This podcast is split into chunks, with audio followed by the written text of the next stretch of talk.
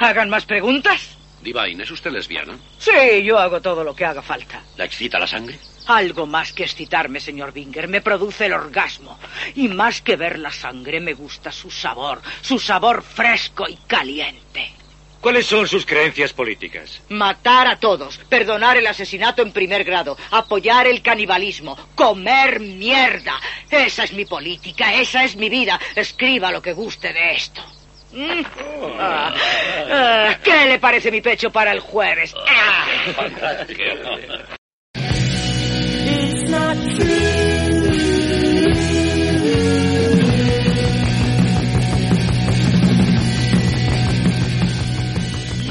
Bon dia, sóc Pere Álvaro, arroba Pere Álvaro a Twitter. Uh, aquest és el primer eh, episodi del podcast Això no és veritat d'aquest any 2021 un any que comença fortet, fortet. Eh, han passat moltíssimes coses en el poquet eh, que portem d'any.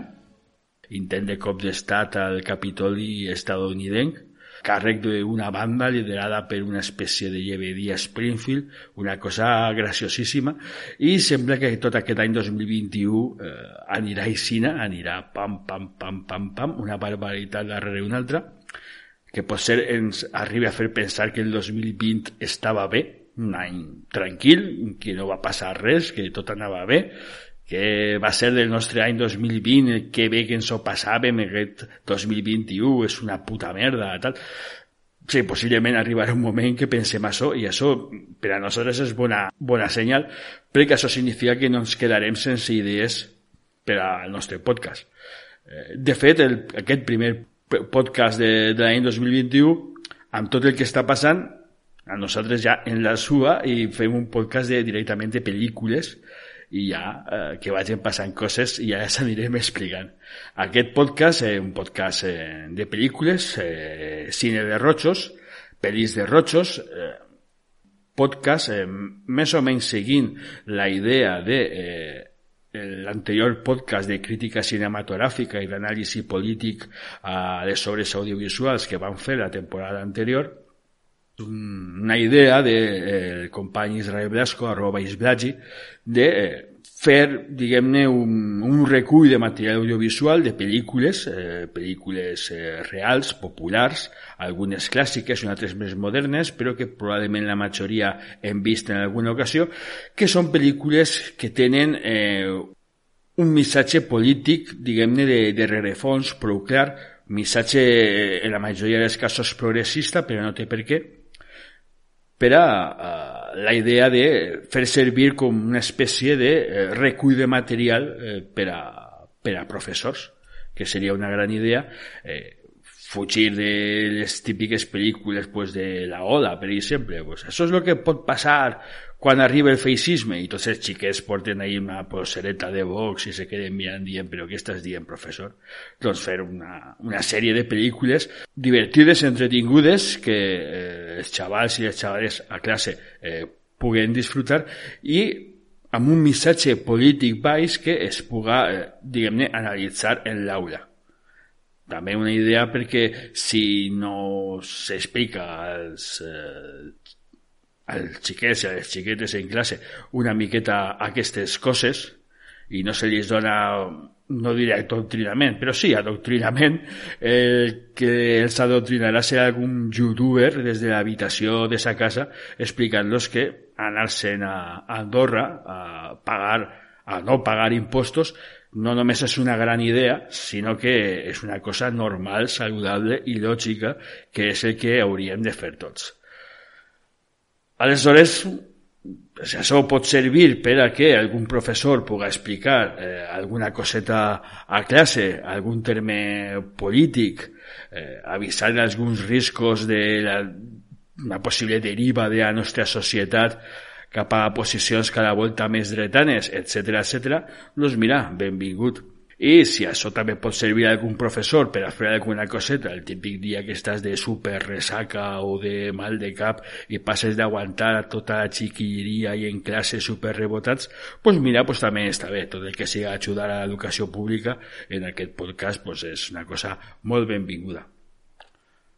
Una coseta només abans de començar. Eh, amb les pel·lícules i demés, eh, és que sigueu ja una miqueta eh, oients habitual del podcast, probablement estigueu una miqueta estranyats, perquè normalment són molta gent així xerrant i dient coses i interrompint-nos i tal, i avui estic com a soles fent aquesta presentació. Eh, té una explicació senzilla.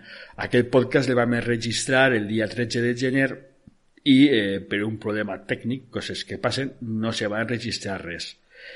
I ahir ens va tocar una miqueta, eh, un agraïment gran als meus eh, companys, quedar diversos dies eh, per separat i eh, registrar-lo poquet a poquet, intentar reconstruir-lo eh, poquet a poquet.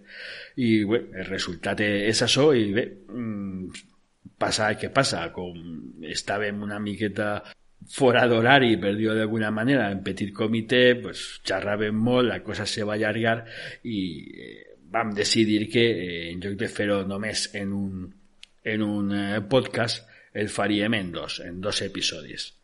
Més que res perquè si no quedaria un podcast de tres hores que ja, si ja de normal se fa una miqueta pesat, eh, tres horetes encara més. En aquesta primera part analitzarem, eh, analitzaré amb l'ajuda de eh, Michelangelo, arroba Siciliano Aragonès, les pel·lícules Queimada, de Guillo Pontecorvo, Atmosfera Zero, Outland, en la seva original, eh, protagonitzada per Sean Connery, Rambo, la primera, The First Blood, del 82, i eh, Perseguido, de Running Man.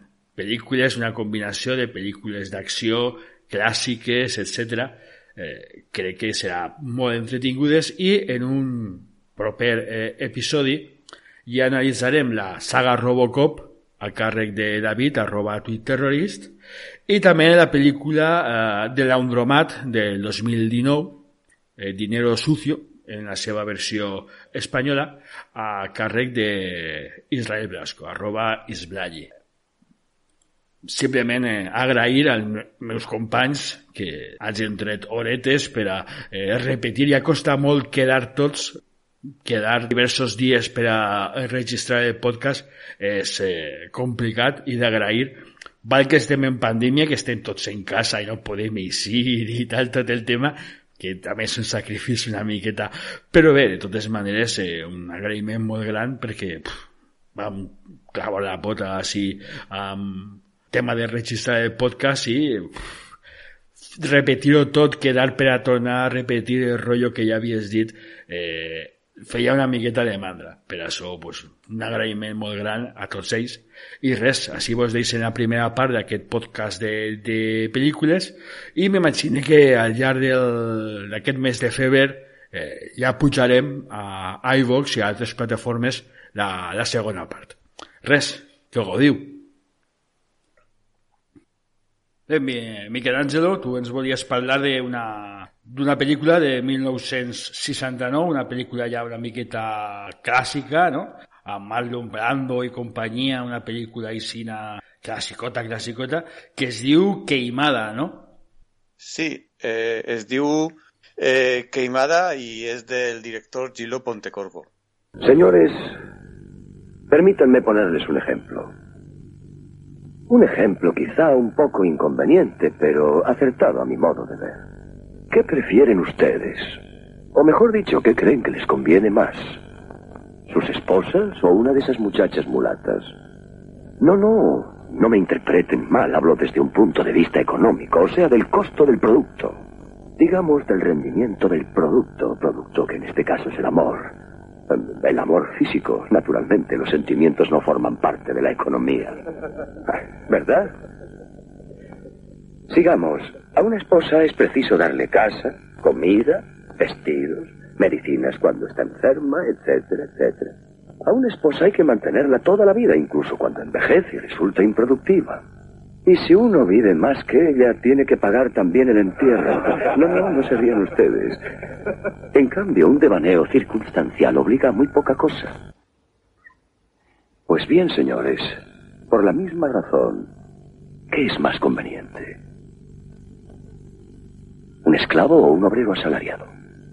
eh, és una pel·lícula que, que és de l'any 1969, com tu bé has dit, i és una pel·lícula que va eh, que parla un poc d'un context històric en el mitjans del segle XIX, quan començaven a independitzar-se tot, totes les colònies de Sud-amèrica i el Carib, i és eh, sobre una illa fictícia que es diu Queimada, on eh, envien el, el Regne Unit envia un agent o un militar, que en realitat és un agent, eh, per a intentar fer sublevar la, la població.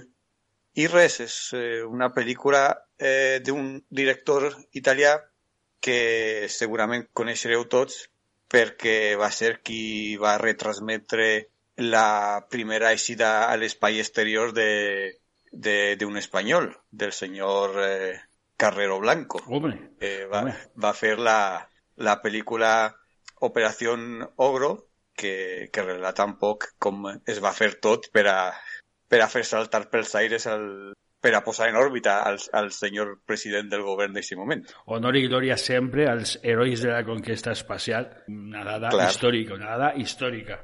Sí, després Ponte Corvo també va fer un, una, una pel·lícula prou interessant que, que és la batalla d'Alger, on relata Mm. també el procés d'independència de, de l'Algèria.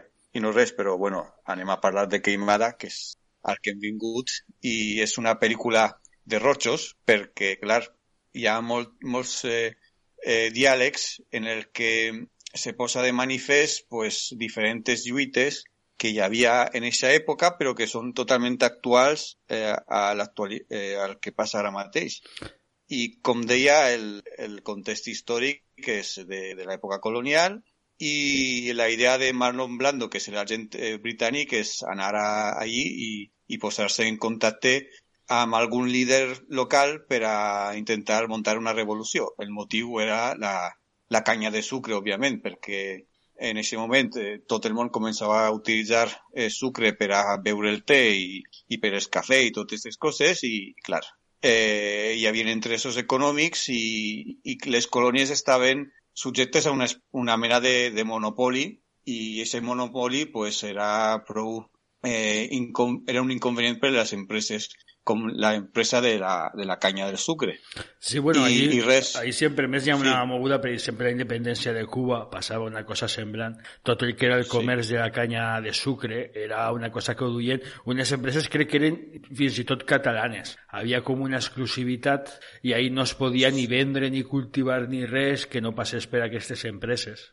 Sí, bueno, me eso sona que, que la, la majoria d'empreses de Rone són d'origen català. Si no me... Sí, bueno, no m'equivoque. sé, no arriba tant, però bueno, això és que me, la història és aquesta que m'estàs contant sobre aquesta illa, que suposa que és una illa fictícia, que es diu Queimada, que era una illa portuguesa. Sí.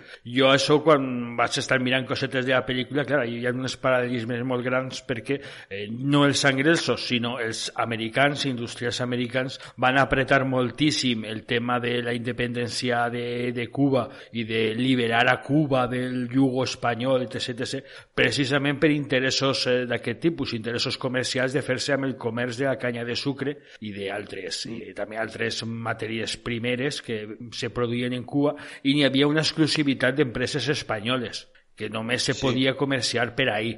Clar, i ells volien tombar això. I, I el que passa és que la pel·lícula relata el, el sistema britànic de fer les coses. Un Mm. poc silenciós, vas ficant ahí una, una espurna que, que encén tot i que, que ho acaba fent. I jo sempre recorde el que va passar Eh, o sea, la independència dels Estats Units és prou violenta, és una, una guerra, i, però, per exemple, la de Canadà ja se n'adonen de que el sistema no els convenia i, i intenten i fomenten la independència de les colònies canadenques, però el que fan és, és, és controlar-les i, i les, les, les han controlat quasi sempre perquè estaven dins del seu sistema de, de, econòmic que era la Commonwealth Sí. que són ells, ells definien els seus interessos a nivell mundial Uh -huh. i bueno, la, un dels diàlegs del que he parlat al principi és un, un diàleg que, una conversa, un meeting se podria dir, que fa Marlon Brando als líders polítics, eh, no els, els, els del poble, els polítics de, de l'illa, on eh, compara les mulates i els obrers, fent la comparació preguntant-li a vostè que per a gaudir de, de l'amor físic d'una dona què li més a compte? Eh, fer ús d'una mulata o fer ús de... o, cas, o tindre una esposa i que ha de cuidar, ha de donar-li de menjar, ha de comprar roba i si damunt se mor abans de vostè, l'ha d'enterrar. Eh, era una sèrie de gastos que, que clar, eren claro. molt més alts que, que, el, que el de gaudir d'una mulata en un, en un moment. I, i clar, fa aquesta comparació, la, la, la, la compara amb eh, els esclaus i els obrers que convé tindre un, un, eh, un esclau que has de pagar-li el menjar, pagar-li unes cases on han, han de, o unes cabanyes o el que siga on, on, eh, on hagin de dormir o, o li pagues un salari i ells ja s'apanyen amb el salari i fan la seva vida i això és l'únic que, que li dones i mm -hmm. tu els beneficis te'ls quedes tu i la producció te la quedes tu per a vendre i tot això. Claro, I feia aquesta una... comparació.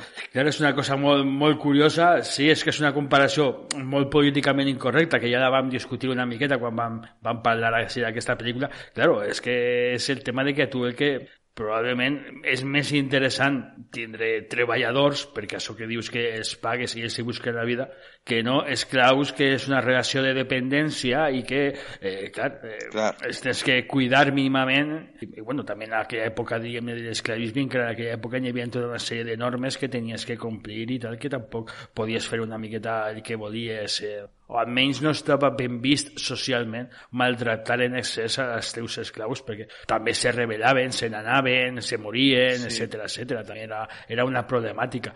És que també és, una, és un punt de la pel·lícula una miqueta políticament incorrecte, però que diguem-ne que aquí el personatge de Marlon Brando va una miqueta al tall definint una miqueta el que és el, una miqueta el capitalisme, no? de que jo què sé, és millor tindre Clar tota aquesta legió de treballadors pobres disposats a fer qualsevol cosa per diners i tal, i tal que no mantindre tota una estructura depenent d'esclaus que tens que pagar-los, donar-los de menjar, etc, etc, etc. És molt curiós, és un, és un diàleg sí. molt curiós és un diàleg però que continua també amb el tema de la independència, perquè Clar. li diu, eh, vos, vosaltres què preferiu? Tindre una independència i accedir al lliure mercat o, o estar dependent, ser una colònia de Portugal, perquè Queimada era una colònia de Portugal, mm. i, i estar eh, subjectes als seus eh, monopolis i a les seues taxes i tot això.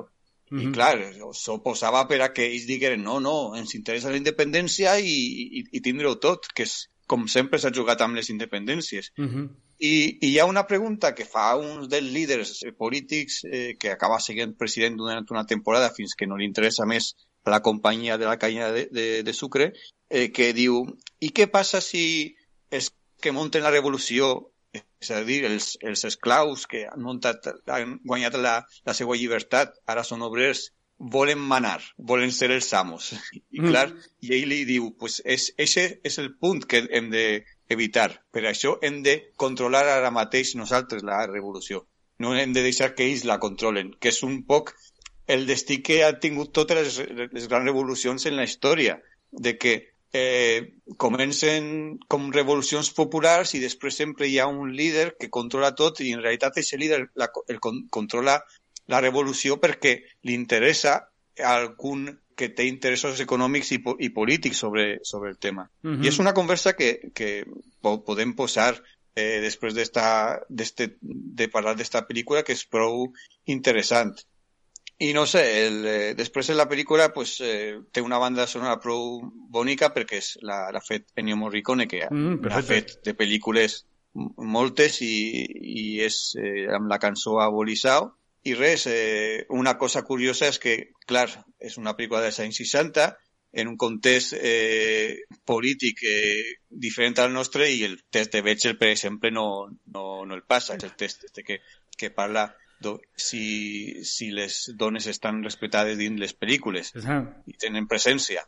Si vols comentar alguna cosa més, jo crec que a més el que volia comentar de la pel·lícula a grosso modo i ja, ja ho he explicat. Bueno, la pel·lícula no, no l'he vista, però sí que he llegit una miqueta del que vam parlar el dia anterior de pel·lícula i tal. Eh, pel·lícula, bueno, em sembla una miqueta interessant, és una pel·lícula pues, una miqueta viejuna, eh, òbviament, anys, anys 60 hem dit, no? Del 69, bueno, gairebé del 70. Sí, crida l'atenció veure Marlon Brando tot jovenet, perquè sí, sempre sí. tenim la imatge de, de, de, del començament del Padrino, que està ahí acariciant el gat i rascant-se la barba. Home, jo a Malom sempre recorde més d'Apocalipsis Now. Jo la vaig veure fa dos anys i me va flipar també aquesta pel·lículeta, me va deixar una miqueta, me vaig girar una miqueta al cap. La, la veritat és que, bueno, que és la història que conta, és interessant, no? I s'ha barreja de lluites sempre alliberament, diguem-ne, personal o alliberament, alliberament de classe, si vols dir, i alliberament sí. nacionals molt entrellaçats, que una cosa no s'entén massa si l'altra, com una cosa com una projecció de, de, de, de l'altra. I també, diguem-ne, aquesta forma d'operar de, del capitalisme, no? aprofitar totes aquestes coses per a fer negoci sí. i diguem-ne mantindre diguem que serà, no només a la sí, producció sinó a la població sinó també a la producció de, de béns Clar. ben nugats una, i tal una cosa que, que no he dit és que eh, l'agent Marlon Brando dins la pel·lícula acudeix a la illa dos vegades. La primera és per a encetar la, la revolució i quan ja està independitzat el país i tot està en marxa, quan veuen que no poden controlar el, el mercat com volien en un principi, pues l'envien, però ja, ja no va com a representant del Regne Unit, ja va com a representant de la companyia de la, de la canya de sucre, que ah, això és important. I ahí és quan rebenten la revolució, el, el, el, els, els que havien, se s'havien sublevat al sistema actual perquè no respectava els esclaus, els antics esclaus i tot això, i, i, i se lia. I, i, i clar, cremen la illa per, per, això, per això, perquè la illa se diu cremada perquè ja els portuguesos l'havien cremat per acabar amb la població local mm. i la tornen a cremar per a acabar amb, amb les guerrilles que s'havien quedat de la, de la revolució que havia estallat. Mm -hmm, interessant.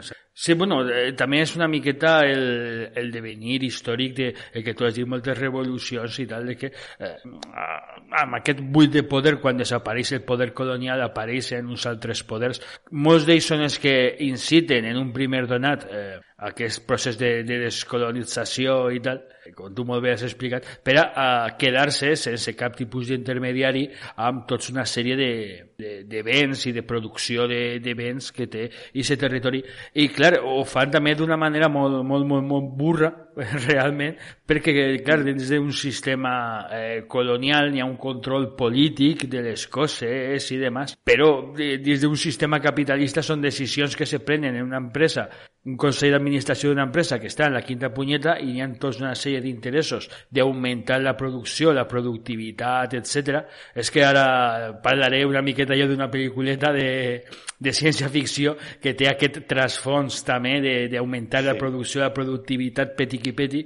I clar, eh, pot ser, pot ser, i és políticament incorrecte dir-ho, de que eh, puga ser molt pitjor estar sotmès a una empresa capitalista que no a un poder colonial. Clar, és un tema, és un tema curiós, és un tema de debat, un tema curiós que sí. segurament això se pot debatre molt bé. Jo he vist molts casos i un d'ells és Sicília, per exemple. Sicília oh. va passar de, de ser un poble dominat per diferents, diferents eh, nacions i, o, o pobles, uh -huh. perquè les nacions no existien encara, sí. i, i quan eh, entra dins d'Itàlia el traten com pensaven que anava a anar tot bé i, i ha acabat prou pitjor de com va començar. Sinó que és una cosa que se repeteix constantment en totes les cultures i pobles.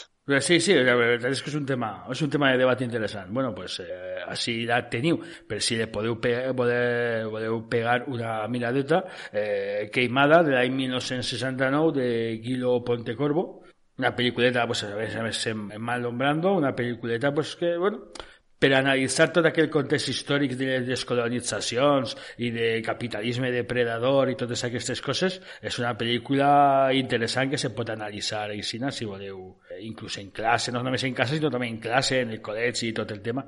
Una pel·lículeta molt interessant. Queimada, recomanable. Bé, jo ara parlaré una pel·lículeta, és una pel·lículeta que igual algun de vosaltres vos sonarà, jo pensava que era una pel·lícula eh, desconeguda totalment, però hi ha un bon comentari, se veu que molts de vosaltres l'heu vista i tal, i bueno, és una pel·lícula que la veritat és que tots els que la van veure, no sé per què, sense ser una gran pel·lícula, la recordem amb un carinyo especial. Eh, es tracta de eh, Outland, estrenada a l'estat espanyol com Atmosfera Zero, l'any 1981, i eh, protagonitzada per el mateix Sean Connery. Cada año viene un jefe de seguridad distinto. Todos conocen el sistema. Usted lo conoce. No es diferente. Pero si haciéndose el héroe quiere sacar más dinero, lo pensaré. Oiga, no sea estúpido. Si quiere meterse en líos es mejor que sepa dónde se mete. Y si quiere demostrar algo, demuéstreselo a usted, no a mí. Ya nos veremos. Si lo que busca es dinero, es usted más listo de lo que parece. Si no es dinero, es usted un tonto. Seguramente no soy más que un tonto. Eso puede ser muy peligroso.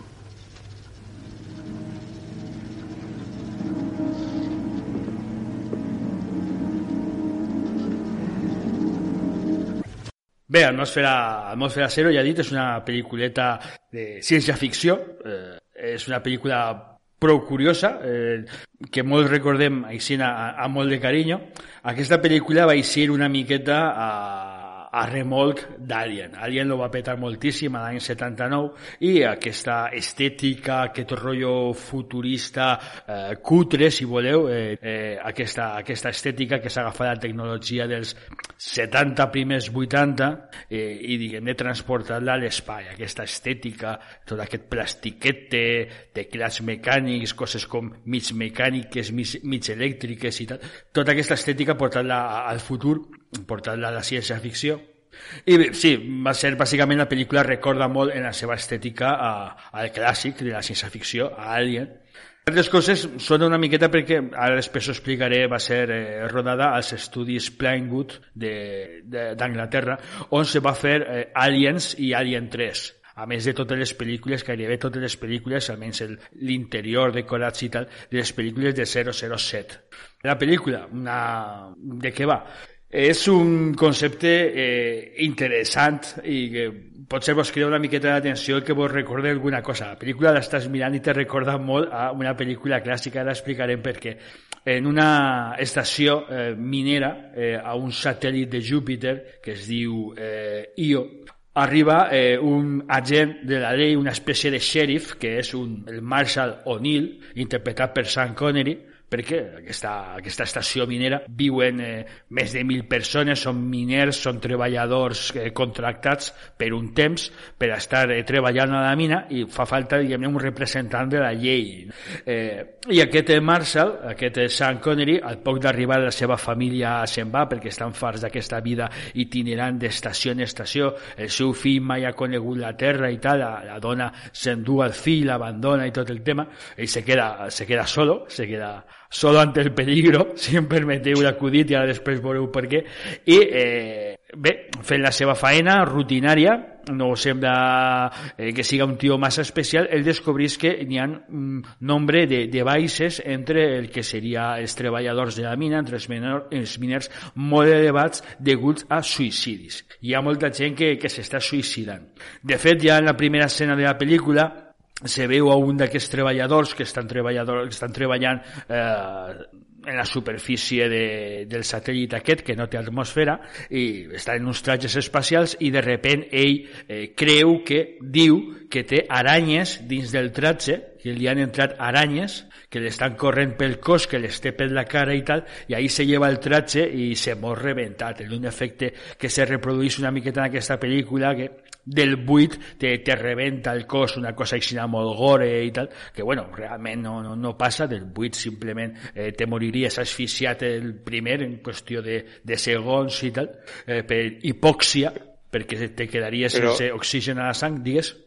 Això és un clàssic en, en Desafió Total. Recorde sí. que, que quan se queden sense aire també començaven a inflar-se la cara i, sí. i a fer-se els ulls supergrans per al final reventar i era superbonico de veure en la tele sí, sí, o en sí, la és... pantalla del cine. Sí, sí, sí, és, és com un meme, per dir-ho d'alguna manera, i crec que ve d'aquesta pel·lícula perquè abusen una miqueta d'isses morts per descompressió, que te pots morir d'isses maneres per descompressió, però tens que estar a una pressió molt alta i caure a pressió molt ràpidament de la pressió de la Terra, que és una atmosfera, a la pressió del buit, que són zero atmosferes, o pràcticament zero atmosferes, perquè zero absolut eh, no, no s'arriba tant, no hi ha una diferència de pressió tan, tan, tan, tan gran com per a que, que te pete el cos sí que té morts per tema de falta d'oxigen, perquè se'n va tot l'oxigen de la teva sang, s'escapa pels pulmons, per osmosi, i ahí té morts sense oxigen, per, per falta d'oxigen, a més en qüestió de, de, de segons caus inconscient, com la gent aquesta que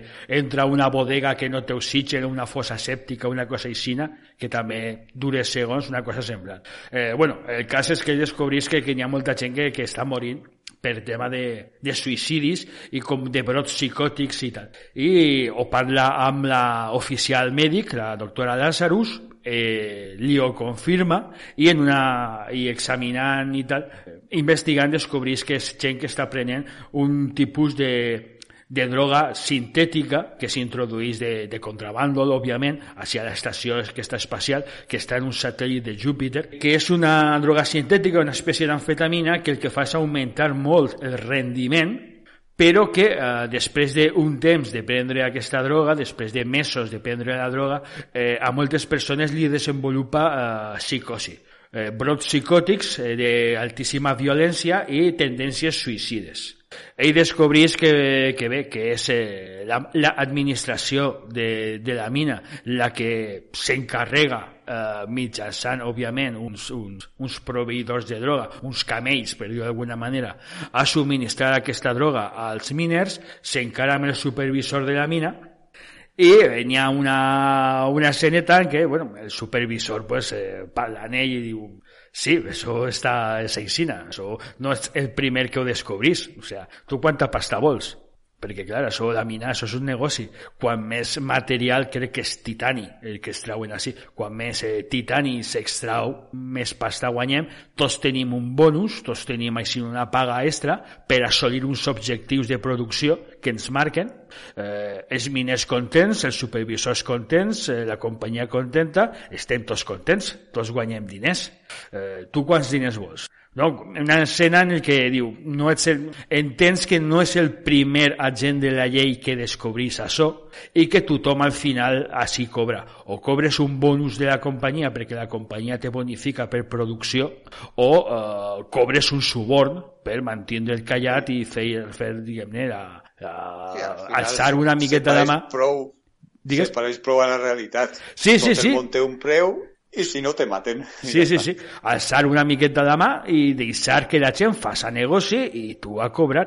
I quan s'acabe el teu període laboral, perquè ell està, diguem-ne, de forma itinerant, viatjant una temporadeta per cada estació minera de, de, del sistema solar, pues tu te'n vas i tu d'ací tu t'oblides, o sea, no, no passa res. El que passa és que Sean Connery, Sean Connery fent de Sean Connery, només té un registre que és ser Sean Connery, que està de puta mare. Si vols un actor que faça de Sean Connery, el millor és Sean Connery. La putada és que s'ha mort. O sea, s'aixina, s'aixina. Eh, Sean Connery diu, no, no, no pense, no pense cobrar ni un puto duro, jo això tinc que denunciar. I aleshores eh, el que fa el supervisor de la mina és eh, contactar amb la seva gent i envien dos assassins a, a l'estació minera a, a matar-lo.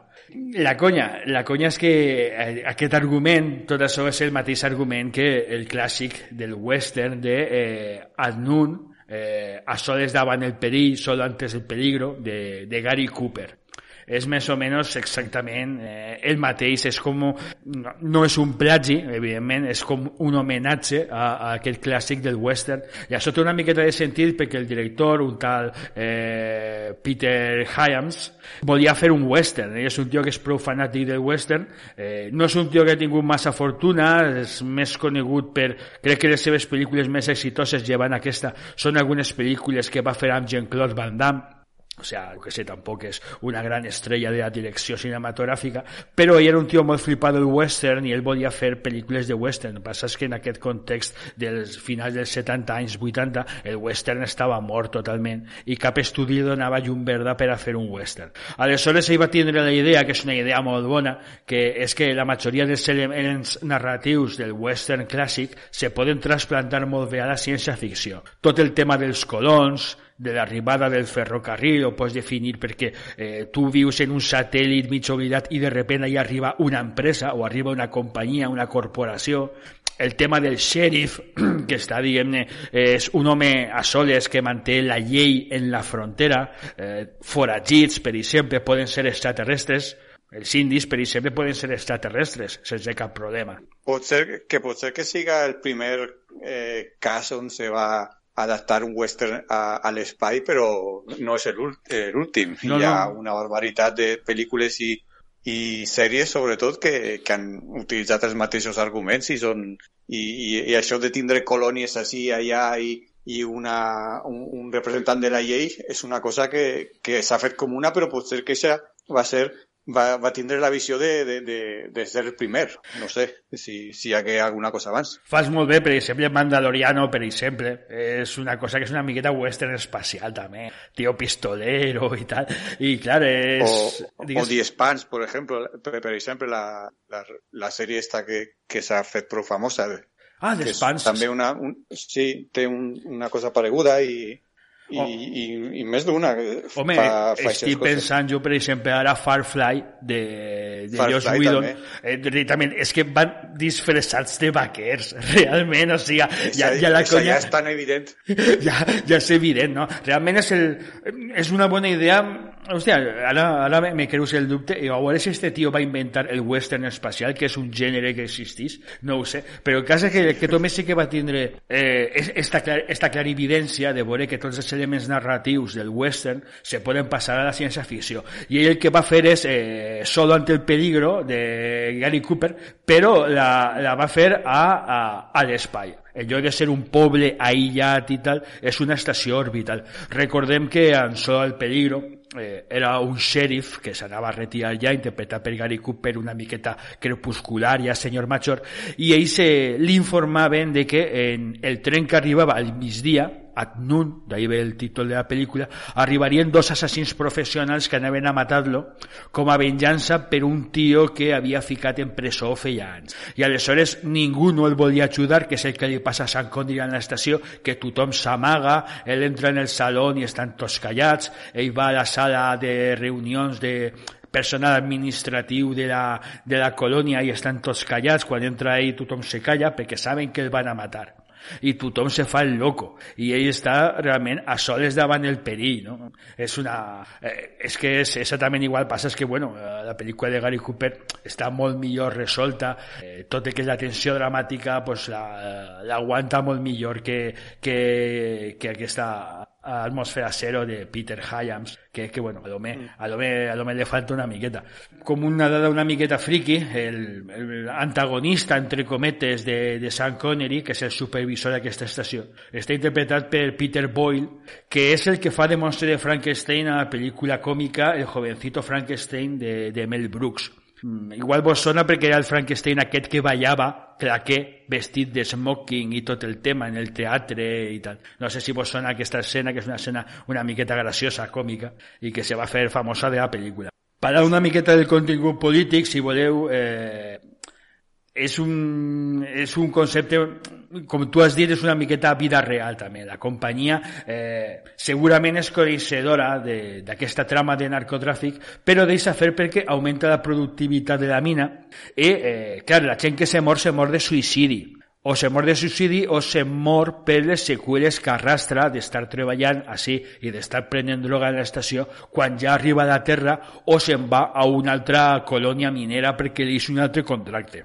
Aleshores això no representa un problema per a la companyia el que li passa al treballador. Se queda amb els fruits que és eh, la producció de, de mineral se queda amb tots els beneficis i el que li passa al treballador, el que li passa al colono, li és absolutament igual. El supervisor Lo, el... lo de les drogues és curiós, perquè és, és una cosa que, que, que és... a- Drogues als treballadors, vull dir. Mm. Que, que és una cosa que se repeteix en altres pel·lícules, també, en, Mm. en altres coses, i en algun tipus de treballs també. Sí, bueno, Los que van tot a tope i tot, tot eso. home, Todo sí que n'hi ha... Home, és un tema que, que se pot parlar moltíssim, inclús n'hi ha gent que s'ha dedicat a, investigar una miqueta això d'una forma una miqueta seriosa, però sí, n'hi ha molts treballs, eh, treballs que tingues turnicitat, treballs que siguen moltes hores, eh, treballs que tingues, diguem que, que estigues a soles, que no estàs en un ambient social, per exemple, transportistes, per exemple, per dir-te alguna cosa, coses així que n'hi ha un abús de drogues important i que, que home, l'estat espanyol és un dels jocs on més droga es consumís igual caldria veure en quin entorns laborals la gent treballa perquè probablement, per exemple, el tema de l'hostaleria. Home, jo és que treballo en fàbrica i en fàbrica també n'hi ha de tot, però la gent de l'hostaleria, bàsicament, no, no cal molta cosa, que, que bueno, que és una cosa una miqueta de domini públic, tot que és hostaleria, i especialment món de la nit, màfia del copazo i demés, pues, evident, pues jo què sé. Aleshores, és que aquesta intersecció entre món de la droga i món laboral és una cosa que caldria... És un dels grans tapats del debat, però que algun dia molaria, molaria tocar.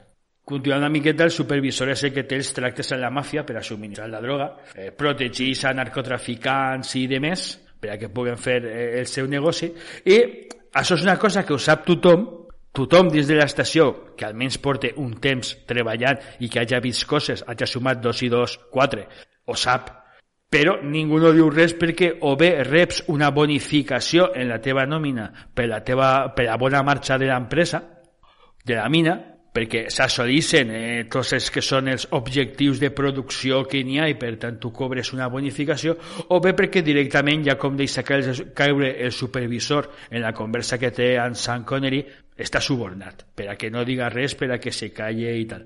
Eh, els que hi són perjudicats, òbviament, són els treballadors, són els miners. A banda, també una de les primeres escenes, crec que el primer diari de la, de escena, eh, de la pel·lícula està molt bé, perquè s'estan queixant de les condicions laborals, el rotllo de que ens van prometre no sé què i no, no ho han dut. I estem així nosaltres picant pedra com uns cabrons quan aquesta feina hauria de fer-la una màquina o en una màquina se fa millor, etc. etc, etc. O sigui, és a dir, que estan, inclús ells estan explotats, que n'hi haurien unes altres formes de millorar la productivitat de l'empresa, però clar, la droga és més barata.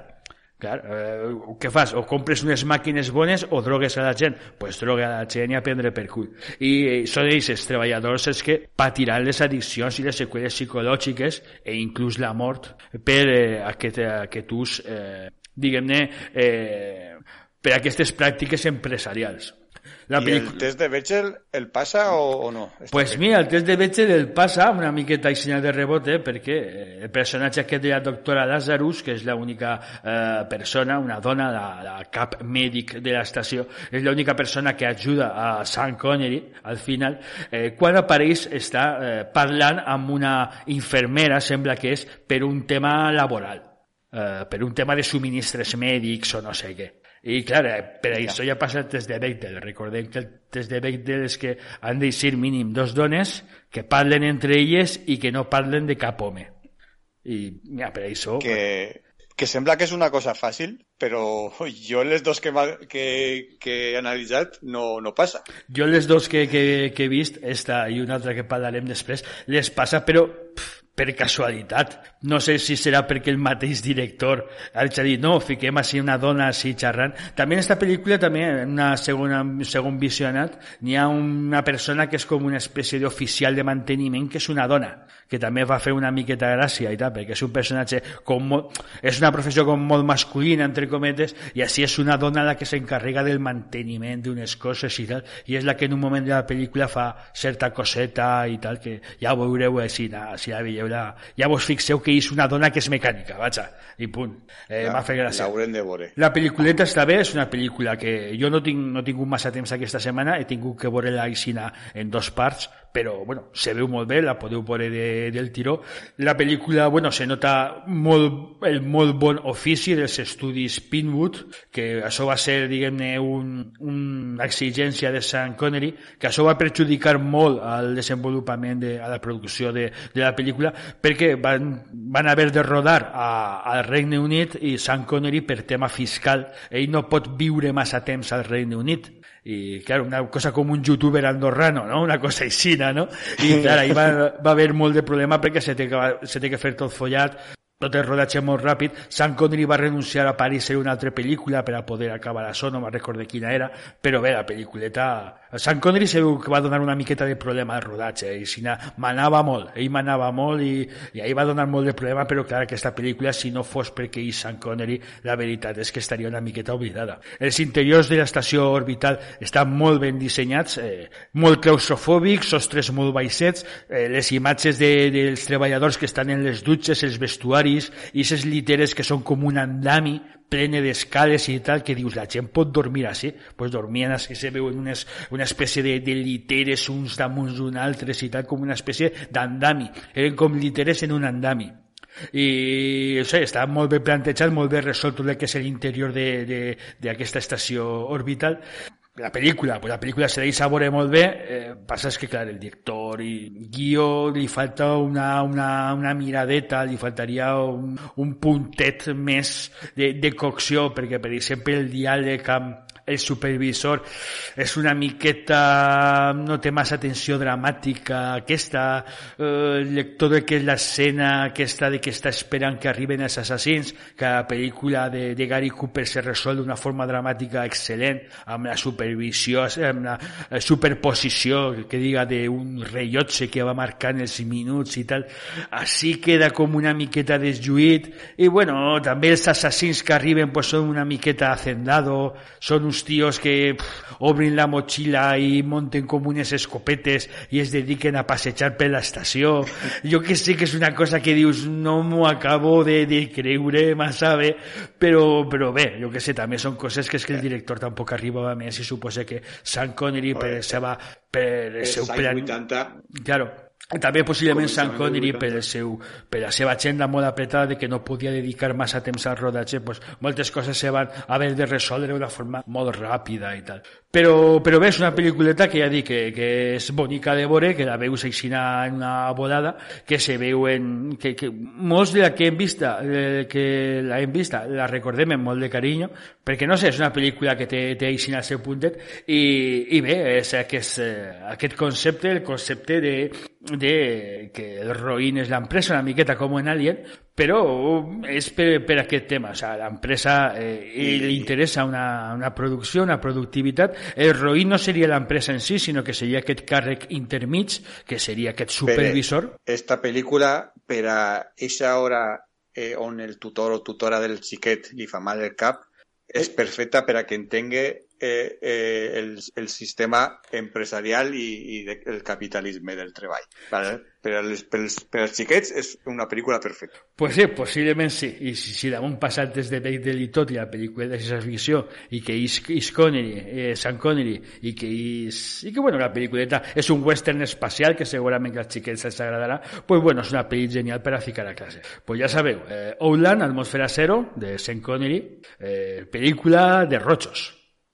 Bueno, ara anem una pel·lículeta, o sigui, aquesta és una pel·lícula que crec que l'hem vist tothom i l'hem gaudit tots. Eh, tothom és una pel·lícula de, dels 80 també, de l'any 1982, és una famosa pel·lícula de... Eh, ai, com se diu?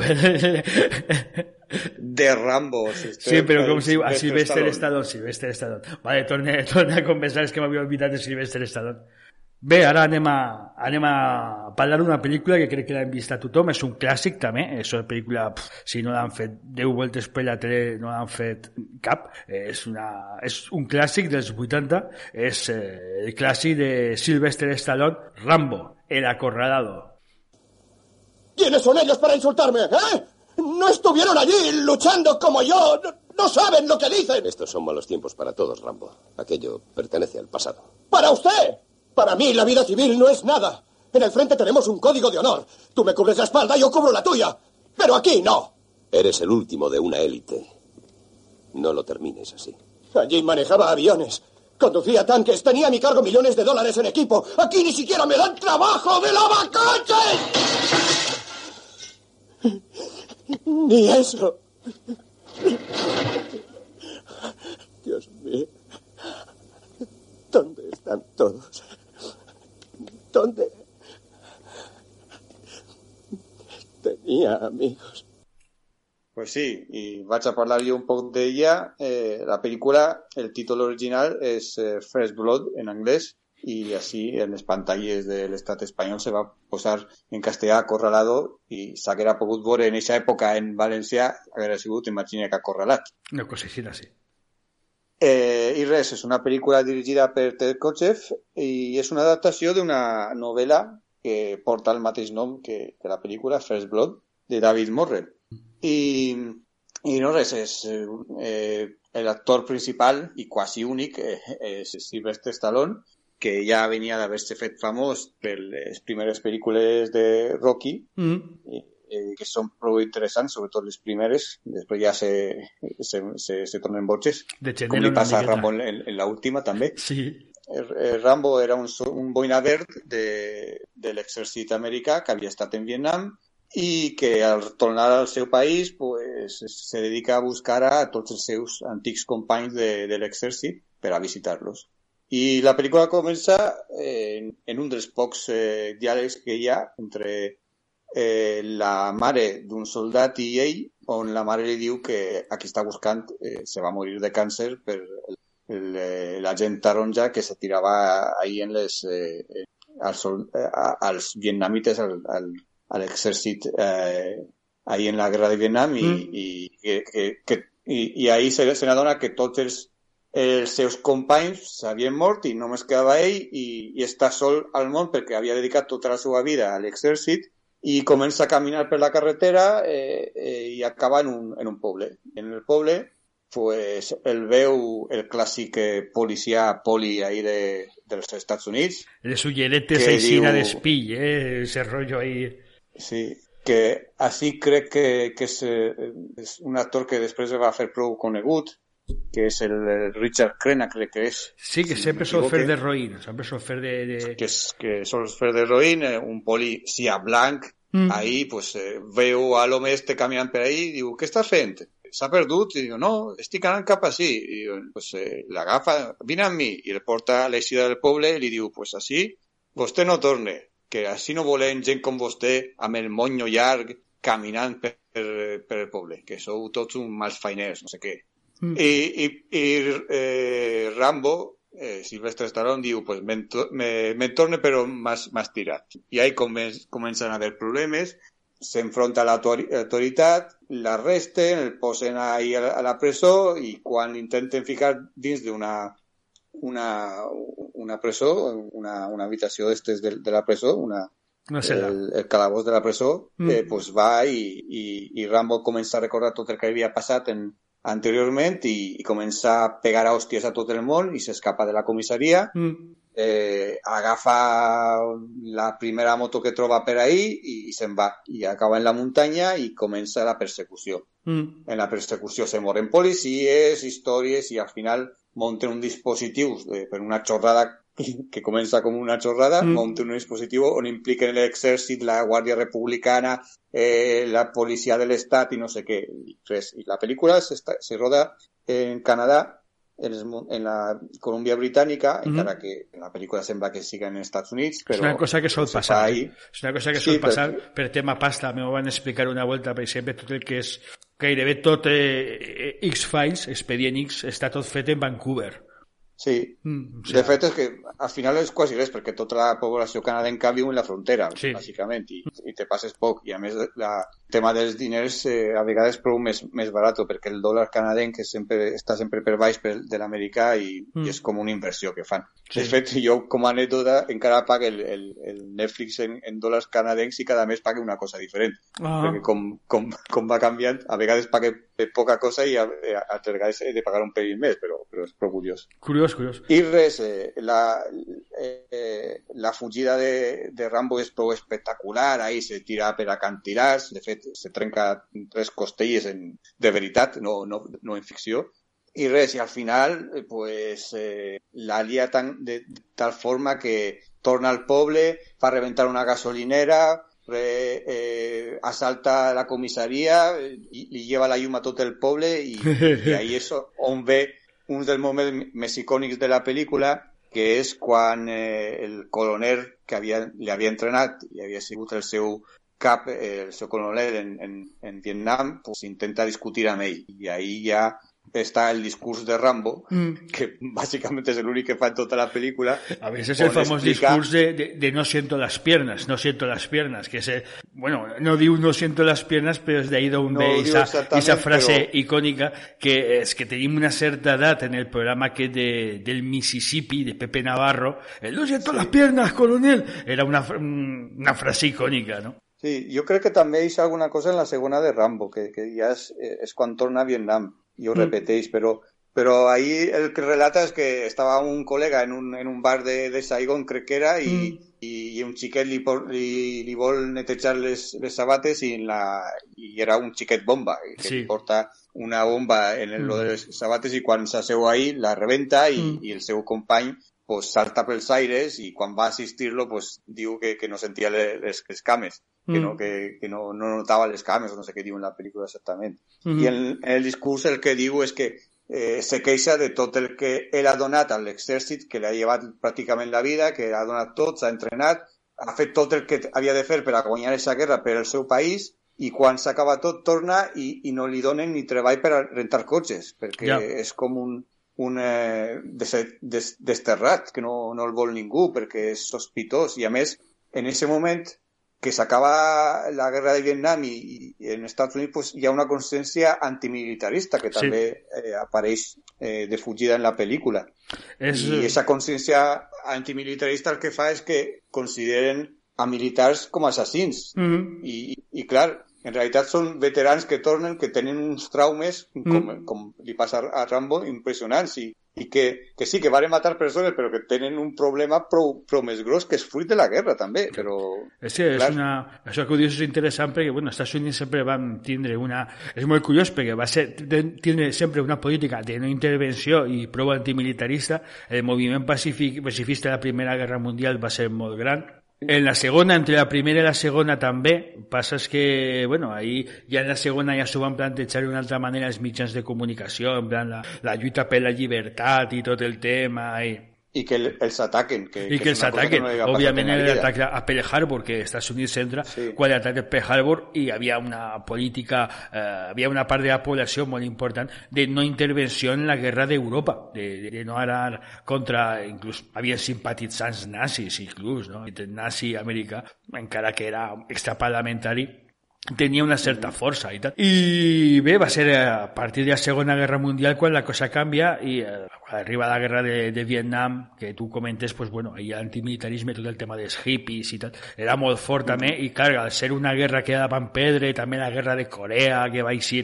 d'aquella manera, era una, va ser una guerra molt llarga, també eh, anaven reclutes, no era exèrcit professional, sinó que tu anaves a fer la mili i te podien enviar a Vietnam, que era una cosa també molt... Eh, clar, Jo això- tinc la- l'anècdota familiar que a mon pare estigueren a punt d'enviar-lo perquè com és- Itàlia era un dels aliats preferents després de la Segona Guerra Mundial, Oh, el estat, el estat italià se va, se va plantejar enviar a, a, a la guerra de Vietnam a, a, als italians. I, Ja clar, per sort hi hagué un, un ministre que va dir però si acabem d'una guerra i estem utilitzant l'armament que estem utilitzant els americans quan van enviar, vindre fa 20 anys. Què, què anem a enviar a estos? Si els mataran tot, a tots. I clar, Claro. no, al final varen desistir. que curiós, que curiós. Però, però sempre m'ho conta mon pare. Qué curioso. Pues bueno, pues eh, eso. Y la guerra del Vietnam, pues claro, va a ser un colpo molt, molt dur y a partir de ahí, pues no, se va a desenvolupar una, una conciencia pacifista muy grande que bueno, va a costar molt de llevar al govern i tal, sí. això, pues, però bueno, sí, ara els Estats Units ja tornen a, a, a des de ja fa dècades des de la primera guerra del Golf, possiblement, ja tornen a la vidilla i tot el tema, és curiós. Sí, la, la guerra del Golf, va, sobretot la, la d'Afganistan, va aixecar molt, molts fantasmes del passat perquè estaven morint molta gent Mm. i, i ara pues, pues ha tornat un poc l'antimilitarisme i a veure si ara se confirma amb tot el que està passant A veure. però, però bueno i després, esta pel·li jo he trobat alguna curiositat eh, i una cosa és que és veure els actors amb distància. Per exemple, tots ens, recordem d'uns de, de dels eh, detectius de, de CSI Miami, Mm. el xic, el xic este amb el moño roig, Mm. eh, que es diu David Caruso, pues, pues ahí apareix jovenet en, en, com a policia en, en la comissaria, que és el que se suposa que és de més triat que la resta, perquè la resta diu, anem a pegar a este, i este diu, no, no sé què, què feu? No, no abusem del, dels presos, i pues, els altres se, se passaven això per, per foro dels collons i, i passaven de tot. És que, bueno, I després, que, sí, aquesta pel·lícula, quan Sí. vam parlar una miqueta d'ella, eh, fa un temps en un podcast, eh, claro, el tema de, de la pel·lícula és que, claro, és el poble este idíl·lic en la muntanyeta que pots dormir en la porta de casa de la casa oberta perquè no n'hi ha lladres, no n'hi ha problemes i tal, però, clar, això és perquè la policia qualsevol element que veu una miqueta sospitós se'l carrega però se'l carrega físicament perquè, clar, el tema és que se suposava que els policies fotien pallisses a la gent a la comissaria, els mataven a palos i després els abandonaven per ahí a prendre per cul. És una policia feixista totalment. sí, sí, fora de control, i, i és una de les coses que se denuncien a partir de la pel·lícula. Mm. La pel·lícula també té com contingut eh, polític, eh, a banda de l'antimilitarisme i, i del feixisme en la policia, pues té eh, un poc el, va ser com un, un primer començament de, de la pel·lícula propaganda que se va ja materialitzar sobretot en la segona i tercera de Rambo Mm. i que va fer que, que Ronald Reagan decidirà que Rambo era com un héroe, héroe nacional a Sí. tindre en compte, perquè en esa època de Ronald Reagan pues, estaven ahí amb, el, amb el, eh, els talibans, que eren els seus col·legues Sí, sí, en, sí, en sí. ese moment, i, i, i lluitaven contra els soviètics en, en Afganistan i això pues, eh, se va suposar pues, tota una propaganda i, i una reflexió que, va, lle- que he llegit per ahí és que per a l'èxit d'aquestes pel·lícules era el, eh, el lloguer de, de material militar Mm. i clar, l'exèrcit nor- nord-americà no anava a donar armament i, i, i vehicles i coses per a fer una pel·lícula, pel·lícula antipropaganda. Sí. O sigui, anaven a donar alguna que anava a fer alguna cosa així. El, una cosa que a mi personalment m'ha creat molta atenció és lo de la navalla de Rambo, que, Mm. que era prou espectacular i que en aquesta època tots els xiquets la volíem Sí. i que varen parlar tu i jo fent unes birres per venir a Magret una vegada que que aquesta navalla la, la va, com a joguina la, la, la va produir una empresa espanyola i tot. Bueno, eh, había una empresa, una empresa española que era la que hacía el cuchillo de supervivencia Rambo, que es de Yaisina, que era el ganivet de Rambo real, o, o molt semblant, amb aquest rotllo de que el mànec estava buit i de ahí tu podies guardar coses, si tenies eh, per a pescar, tenies tirites, pastilletes per a potabilitzar l'aigua, tenies un, podies tenir eh, fil metàl·lic per a nugar alguna cosa, o sea, cosetes així. I bueno, com a tema, jo no, no pilote massa d'armes blanques, però sí que van comentar que esos ganivets eren una puta merda perquè el mànec, al estar buit, ser un tub, eh, el punt d'unió entre la fulla i el mànec era molt feble i se trencava per ahí. En el moment que tu volgueres fer alguna coseta, intentar fer una miqueta de palanca o intentar ahí tallar ahí amb la serra que tenia una branca d'un arbre o alguna coseta, placa, però ahí tallava sempre, se, se trencava sempre el mànec i te quedaves en la fulla sense mànec que és inútil. I que era una cosa que no un tanyero de veritat que necessitava un ganivet bo per a tallar o fer alguna cosa o era un ganivet eh, més normal que no això. És una cosa curiosa, són uns ganivets que se van ficar Sí. molt de moda. A mi el que me sorprenia és que, que estava a l'abast de, de, dels xiquets. Jo recordo que, Sí. que, que tenia un amic en Itàlia que la, que, la- que la la, la navalla la, la, la, el ganivet de supervivència, com se diga. Sí, sí. I després, eh, sobre el test de, de Beckel, pues, eh, eh, evidentment no el passa, perquè a banda que hi ha poques converses, els pe- personatges femenins són eh, residuals i crec que apareixen un parell i és pues, la clàssica recepcionista ahí en la comissaria i la que escriu a màquina eh, els informes o alguna cosa així. Sí, sí, poqueta cosa. Poc feminista esta pel·lícula. És molt curiosa esta pel·lícula, és una pel·lícula uh, molt progressista realment, perquè la, la novel·leta de First Blood, esta que tu comentes, és una, és una novel·leta antimilitarista i tal, que són els horrors de la guerra, especialment, clar, el diàleg que hem escoltat de, de, de, de, de Rambo, que jo allí manejava millones de dólares en armamento, ¿no? Claro, és, jo què sé, eh, en la guerra, pues, clar, tenies tota una sèrie de, tenies tot l'estat darrere teu financiant la teva activitat i quan tornes de la guerra ets un rebutjat social total que, que, que vius al carrer, mm. que no n'hi no ha faena, no n'hi ha res, estàs molt desconnectat del que és la, la, la, la vida laboral, la vida social. Després això diuen que també és una cosa que passa als militars de carrera, que han 40 pico anys deixen l'exèrcit sí. i no tenen vida laboral i no estan adaptats, diguem-ne, al que és la, la, vida, la vida laboral normal. No mira, sé. mira el famós tenent, teniente Dan de, de, de Forrest Gump, que ah, acaba sí, en la caïda sí.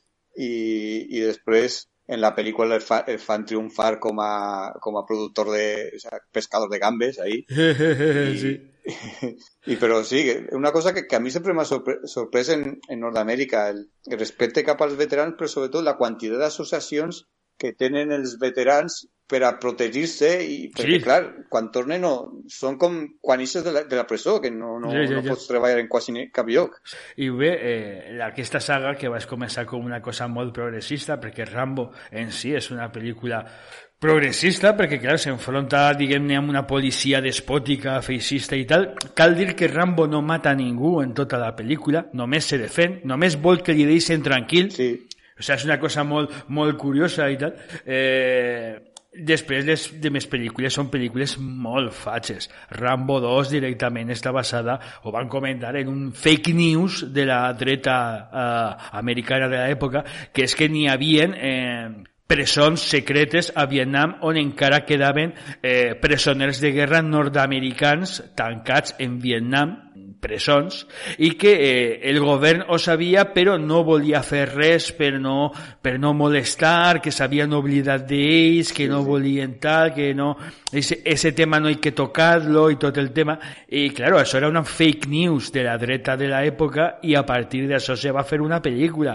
O sea, és que és una, una pel·lícula que, bueno, Rambo 2 ja van comentar, bueno, ja comentar un podcast anterior que és aquest contrast molt gran entre una pel·lícula una miqueta contracultural d'una pel·lícula progressista i una pel·lícula que és feixisme pur si vols per acabar, eh, és que també és una cosa interessant que això jo això tocaria, tocaria fer un altre podcast per parlar d'això, d'això de, de, de l'exèrcit i les pel·lícules. Eh, moltes pel·lícules no se poden fer si no és en l'ajuda del Pentàgon que done armes, que done mm -hmm. personal, que te deixa rodar dins d'un portaavions, dins d'una base militar, etc etc. no? I, clar, això, el guió té que anar al Pentàgon i el guió tenen que llegir uns militars, un comitè, i tenen que donar el vistiplau i si no te donen claro. el vistiplau no se fa la pel·lícula i eh, alguna pel·lículeta s'ha tingut que fer en tancs vells de tancs polonesos i coses així pintats com si foren americans rodada en Europa perquè el Pentàgon no va donar permís perquè no quedava l'exèrcit bé o no transmetia una sèrie de valors militaristes que l'exèrcit vol transmetre. Eh, I clar, sí. això és una, és una mogudeta perquè moltes de les pel·lícules que veiem, pel·lícules així de guerra o bèl·liques o de superherois o de coses així, que si té que eixir un avió, un tanc, militars americans, el que siga, eh, això en la pràctica és un guió que te l'ha aprovat el Pentàgon i aquest guió és un guió que l'ha escrit una persona que sap el que, el que el Pentàgon agrada veure en, en el cine i per tant això ja transmet una sèrie de valors militaristes, americanistes, patriòtics americans, etc., eh, que se queda una miqueta soterras per baix perquè ni és, és la gent ahí en tratges de superheroi fent cosetes i tal, però que són uns valors molt militaristes i una miqueta fatxosos també. Però bé, això ja seria un tema per un altre podcast. Bé, jo ara tinc una, una pel·lículeta també molt simpàtica, molt, molt graciosa. Eh, és una pel·lícula que va quedar una miqueta, va passar una miqueta desapercebuda en la seva època, en l'època forta de les pel·lícules d'acció, de Schwarzenegger i demés, però és una pel·lícula molt divertida i molt recomanable també. Eh, estic parlant de Perseguido, de Running Man, de l'any 1987, eh, protagonitzada, ja he comentat, eh, per Arnold Schwarzenegger. Hola, monada. Uno de los dos tiene un problema gordo.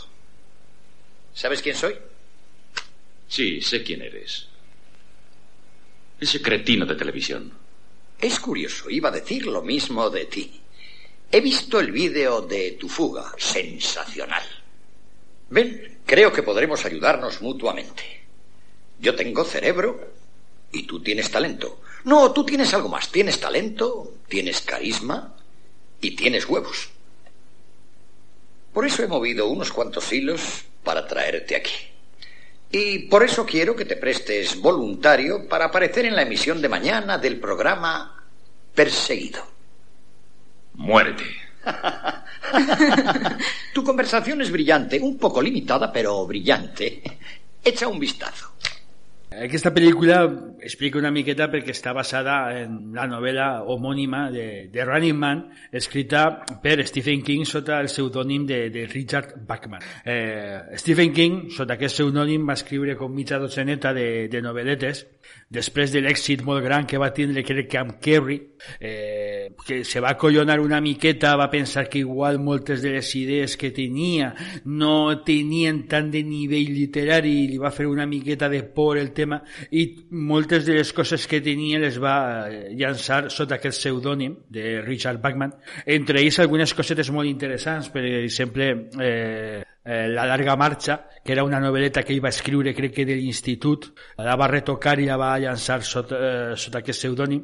I també eh, The Stain, que és una sèrie de televisió sobre una pandèmia que mata tota la població.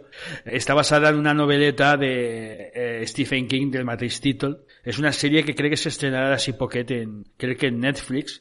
És una sèrie interessant i tal. Bé, esta, en esta novel·leta de Running Man, eh, Stephen King planteja un futur distòpic dels Estats Units eh, feixista, on la gent està superputejada, treballant, gent molt pobra encara que treballa, tota la gent viu sotmesa al poder polític, especialment mitjançant la funció dels mitjans de comunicació. Està la cadena, que és com una espècie de conglomerat televisiu, de telebasura a tope i tal, que embruteix a la gent de, de, de mala manera, que el que fa és una espècie de programes que serien reality shows realment. Stephen King així s'avança una miqueta al futur i ja ell ja inicia el tema dels reality shows.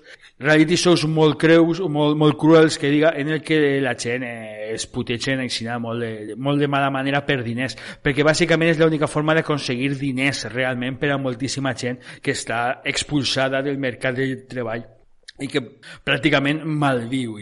El protagonista, que és un tal Ben Richards, és, una, és un treballador estadounidenc, la seva dona s'ha de prostituir perquè no, té, perquè no tenen diners, ell està com en la llista negra, està expulsat, no pot, no pot treballar, la, la filla està malalta, i ell desesperat se presenta al programa Estrella, d'aquest món que és The Running Man, El Perseguido, que és un programa eh, televisiu, un reality show, en el que uns assassins professionals perseguissin per tota la ciutat a un fugitiu que té que amagar-se per la ciutat i que de tant en tant té que enviar, té que eh, gravar-se en unes cintes i enviar-les a l'estudi i és el material que, que se veu en el programa. Una volta editat i retocat i falsejat i tal, eh, per a generar en, la, en el públic un odi cap a aquesta persona a la que van a matar uns assassins és, és el que diguem la gent veu i eh, diguem que el programa funciona eh, d'aquesta manera. Al llarg de la novel·la ell se topeta pues, en la resistència, que és una gent que s'enfronta a l'Estat, que si diguem ell guanya és l'Estat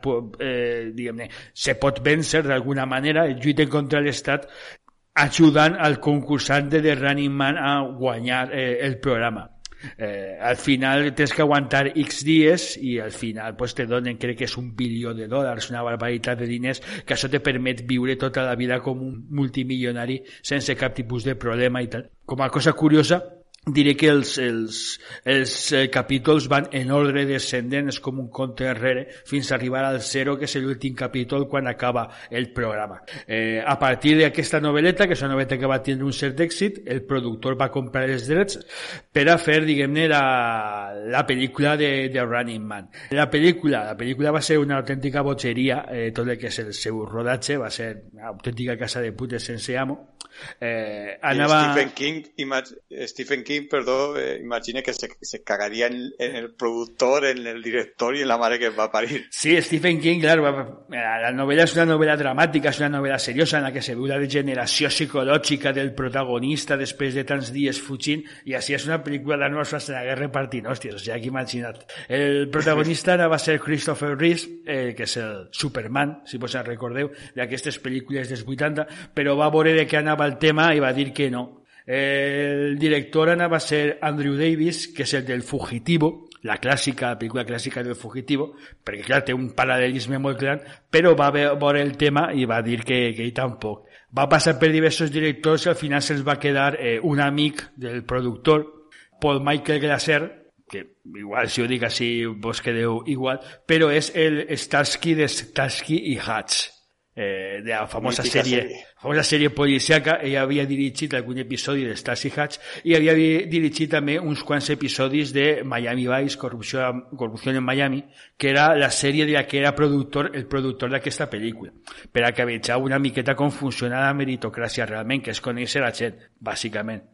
Van convèncer a Arnold Schwarzenegger, Arnold Schwarzenegger venia de fer Predator i, bueno, no, el van liar de mala manera perquè, bueno, Arnold Schwarzenegger és un tio que ha cuidat molt els personatges que fa i jo no sé exactament com el van liar per a fer aquesta pel·lícula, però ell també se'n va endur de Predator a Jess Ventura i altres dels seus eh, companys de rodatge de Predator. O sigui que també podem veure, podem veure que meritocràcia pura i dura.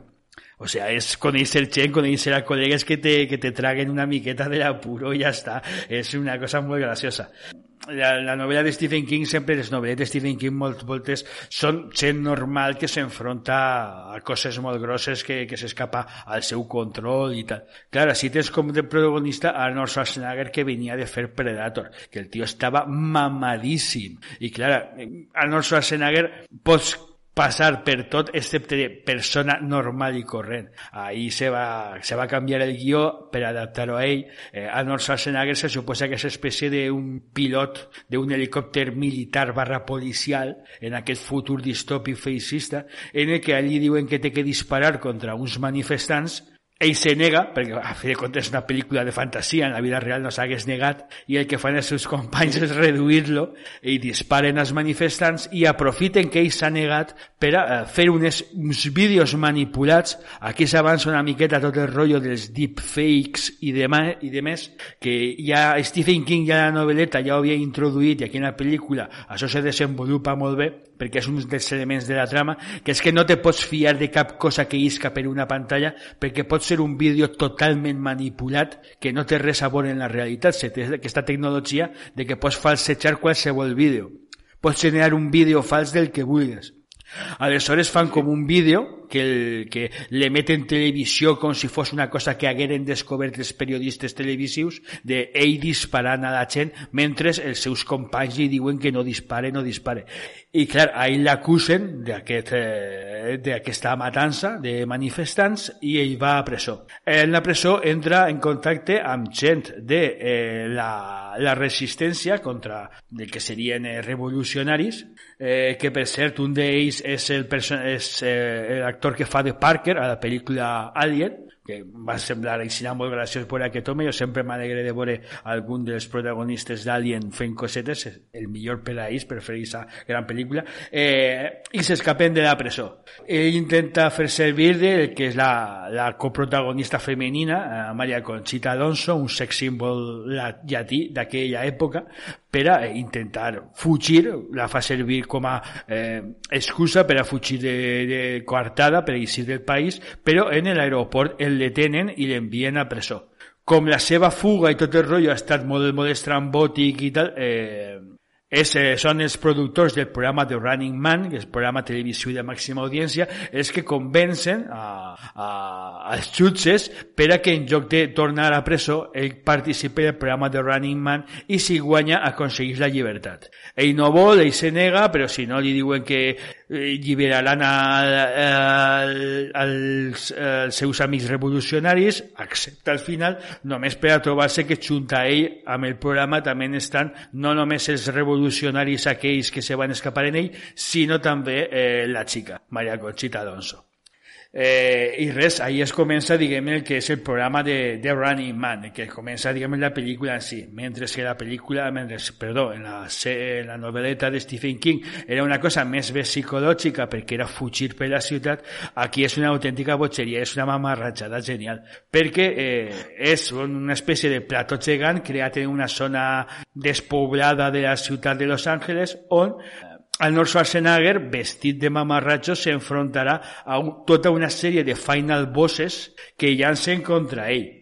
està, pues, per exemple, n'hi ha gent, pues, està Sub-Zero, està Buzzsaw, que és un tio en la motosserra, Dynamo, que és un tio que tira rajos elèctrics, Fireball, que és un tio que tira un llança, llançaflames, eh, el, cap, el Capità Freedom, que està interpretat per eh, Jess Ventura, un dels seus companys en la pel·lícula Predator, un dels seus col·legues, i és una successió de combats molt cachondos i molt, molt graciosos perquè, clar, arriba un tio a la motosserra, pues ja saps que morirà quan a no Schwarzenegger l'agafa la motosserra i el talla per la meitat. Hi ha un tiro que tira rachos elèctrics, pues ja sabràs que ese tio molt electrocutat quan Schwarzenegger li fa no sé què i s'electrocute. És una cosa realment molt graciosa i és una successió de combats molt graciosos. I això, això ho presenta eh, algú? El, el, el... Uh, sí, sí, sí, ho van comentar. És, és molt graciós. Eh, el programa que de Running Man, en la, la pel·lícula, el presenta Richard Dawson, que és un còmic i presentador de concursos eh, familiars als Estats Units.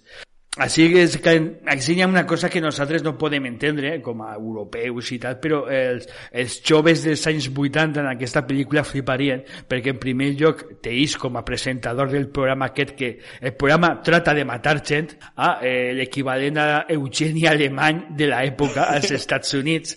I després tots els que són els, els bosses, estos, els minibosses que hice en el programa són tots eh, jugadors de futbol americà i lluitadors de la WWF, o sigui, de la lluita lliure, el pressing catch de tota la vida, de Paco Nadal.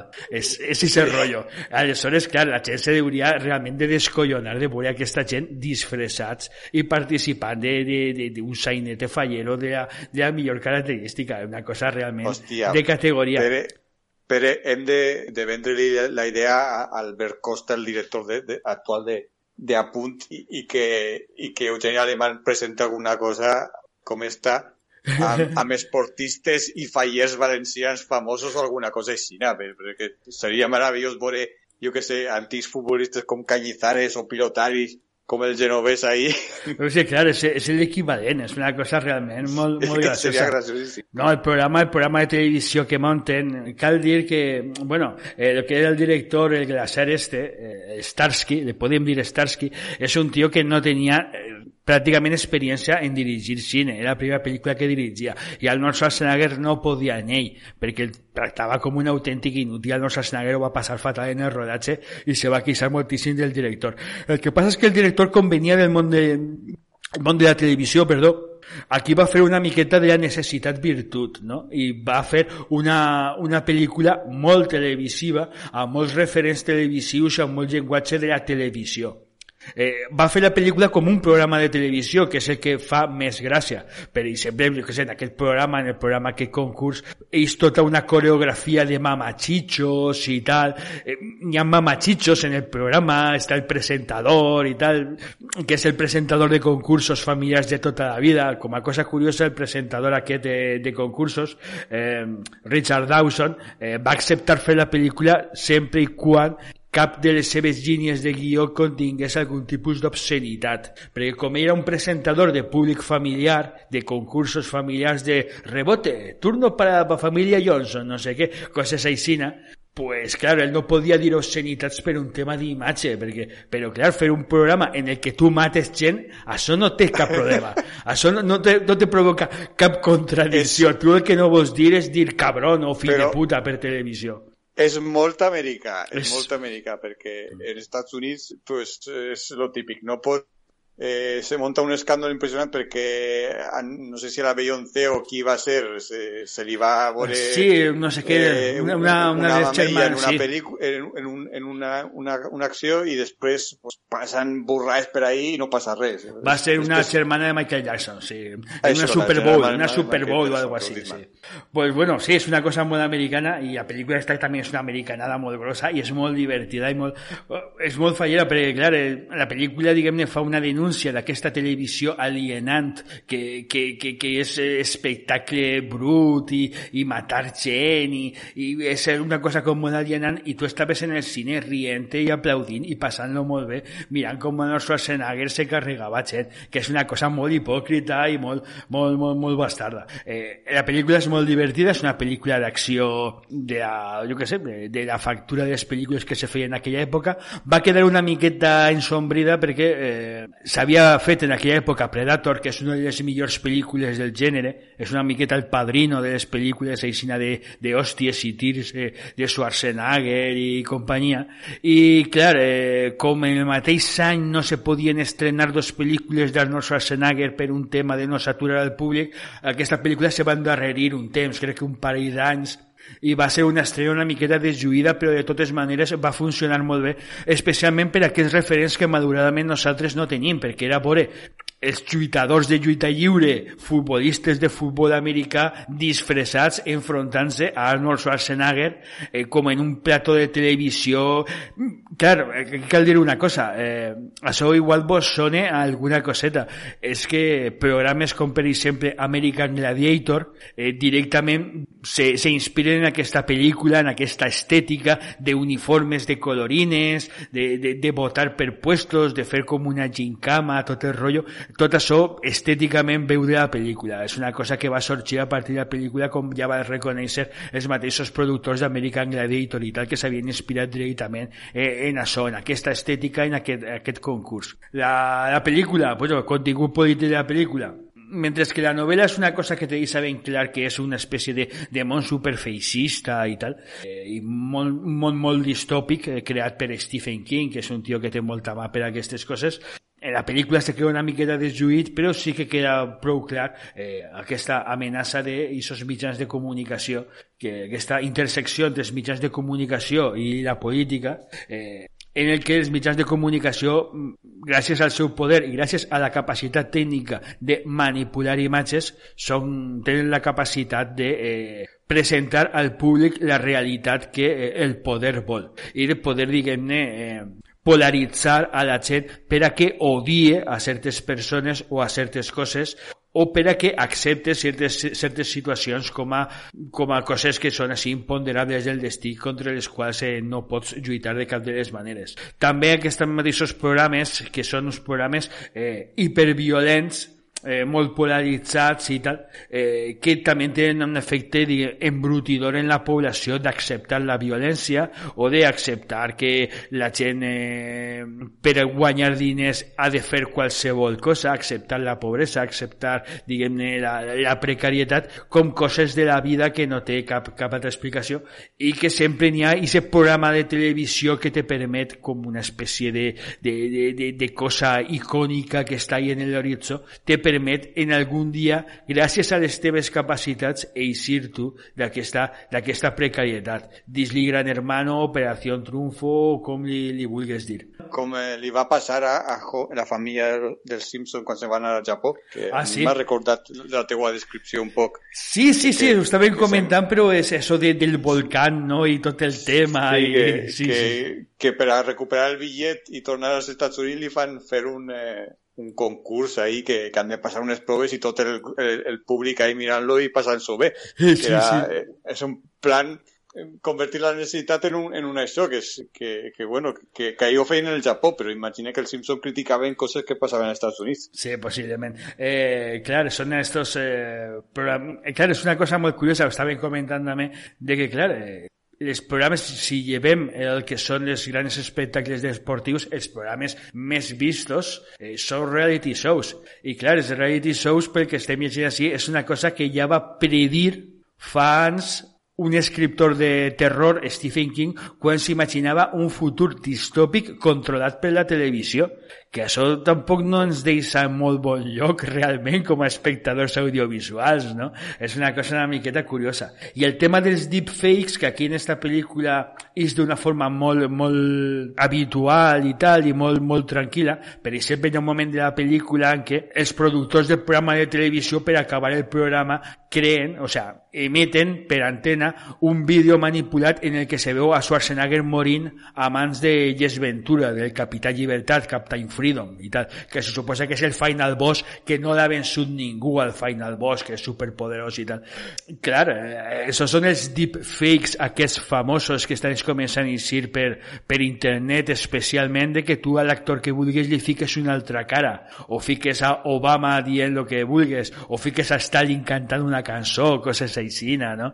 Eh, claro, és un tema que ja aquesta gent ja, això ja, ja va predir que la tecnologia eh, audiovisual en algun moment potser arribaria a un punt en el que és, el que és per la televisió potser no és real, són unes imatges totalment manipulades. No s'ha arribat a aquest nivell de refinació en el que és la manipulació, però sí que és una pel·lícula que se pot ficar als xiquets en classe i tal, les xiquetes, per a, uh, diguem-ne, explicar això. Eh, tota aquesta pel·lícula, tot aquest rotllo, sense estos programes de televisió que manipulen a la gent i sense aquesta informació manipulada que rep la població, aquest món seria impossible.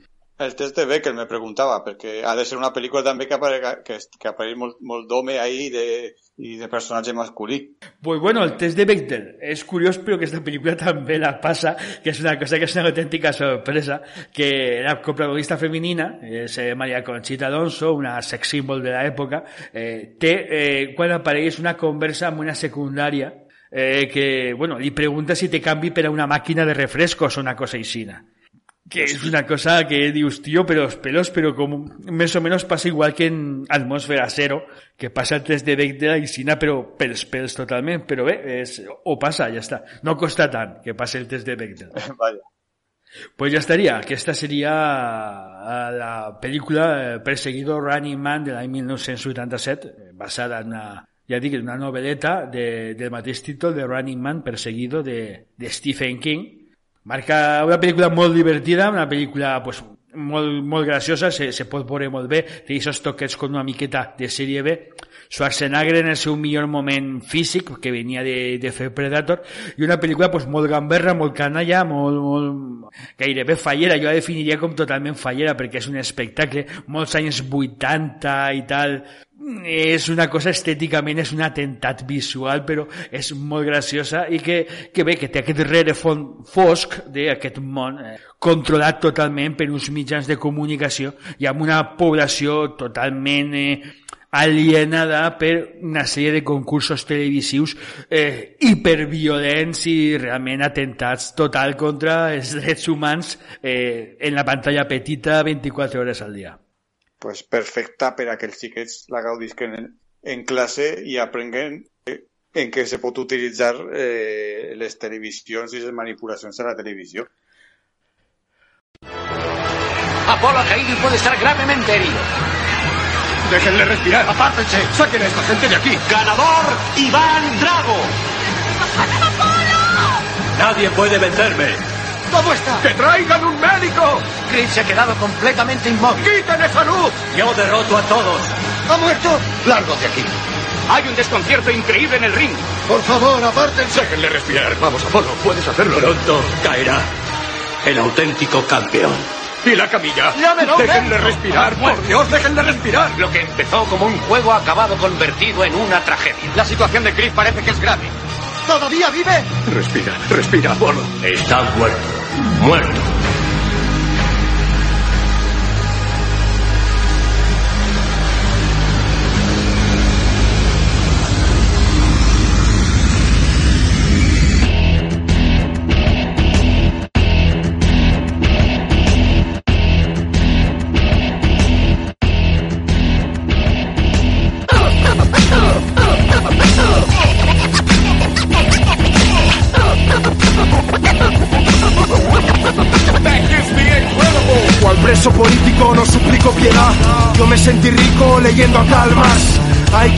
Saliendo al suelo que se pisa. Cortaré a Emilio Botín las venas con una visa. Por fin sube deprisa, rap combativo. Se vacían misas y cerebros de rojo tiño. Ya no soy el niño que creía falso rap social. Ahora si quieres mi respeto te tendrás que mojar. No nos podéis comprar, somos lo que toca. Con la rabia de Pablo Escobar, pasado de coca. Vivir sin dignidad es lo único que temo. Por eso vuelvo antisistemas a raperos hemos. Perdí mi estabilidad en la franja de Gaza. Ejecuto mi venganza y la pasma no me caza. No me arrodillan fulanas, escupo guerrilla urbana. Antes que claudicar me unto la polla con agente naranja. Sueño que secuestran a Mancio Ortega y graban un discurso mientras una paliza le pega. En el principio no es nada sencillo. Si quieres perderlos, aprende de Santiago Carrillo. Chavales despiertan cuando protestamos, pero la revolución debe ir más allá de los cascos. Con actos vastos, prendiendo más mechas, como el conflicto vasco. Causamos miedo a la derecha. Tacón tiene un consolador con forma de misil. Que no tengamos símil también le pone a mí. Rojos y cabreados, estilo Iván Drago. La mazorca y Pablo José que denuncien esta colabo.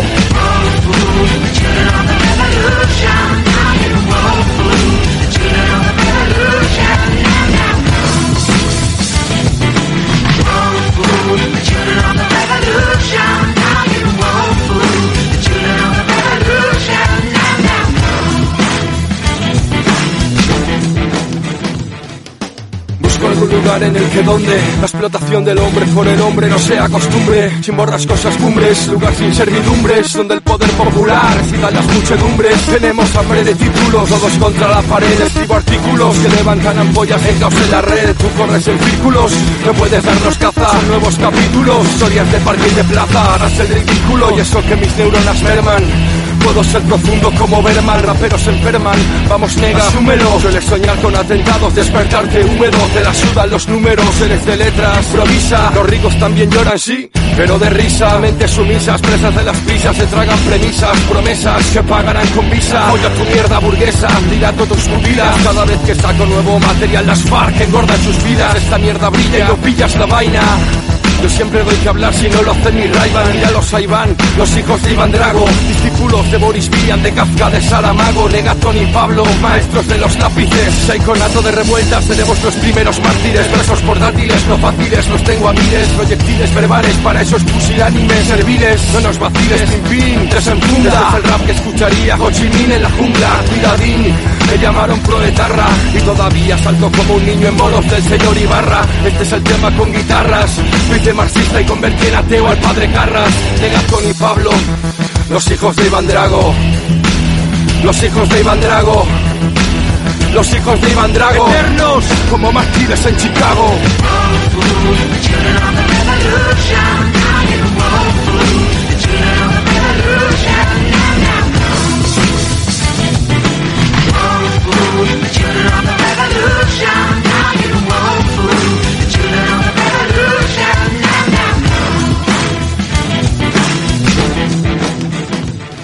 Llaman Tony y para muchos la esperanza, pero solo uno más de los que sus voces alzan. Contra esta derecha rancia más que la de Francia, contra esta izquierda falsa que apoya a la banca.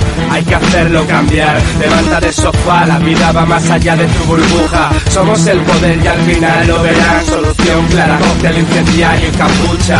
La lucha debe continuar. Hay que despertar esas mentes dormidas, que la revolución sea necesidad, algo que lograr, una forma de vida. Soy un suicida, podría llevar una vida normal y no ser cara conocida en una ciudad donde el nazi no es criminal, pero prefiero vencer que emprender la huida. Hijos de Iván Drago, de la revolución cubana, de malos tragos por pensar en un mañana, un nuevo amanecer, sin leyes que obedecer, sin reyes ni padecer, algo que emana de la lucha de clases, de la incorrección, de pelear por lo que crees, de alzar la voz, de saber que el enemigo es el capital y no el que llamáis distinto, eso que os han hecho pensar.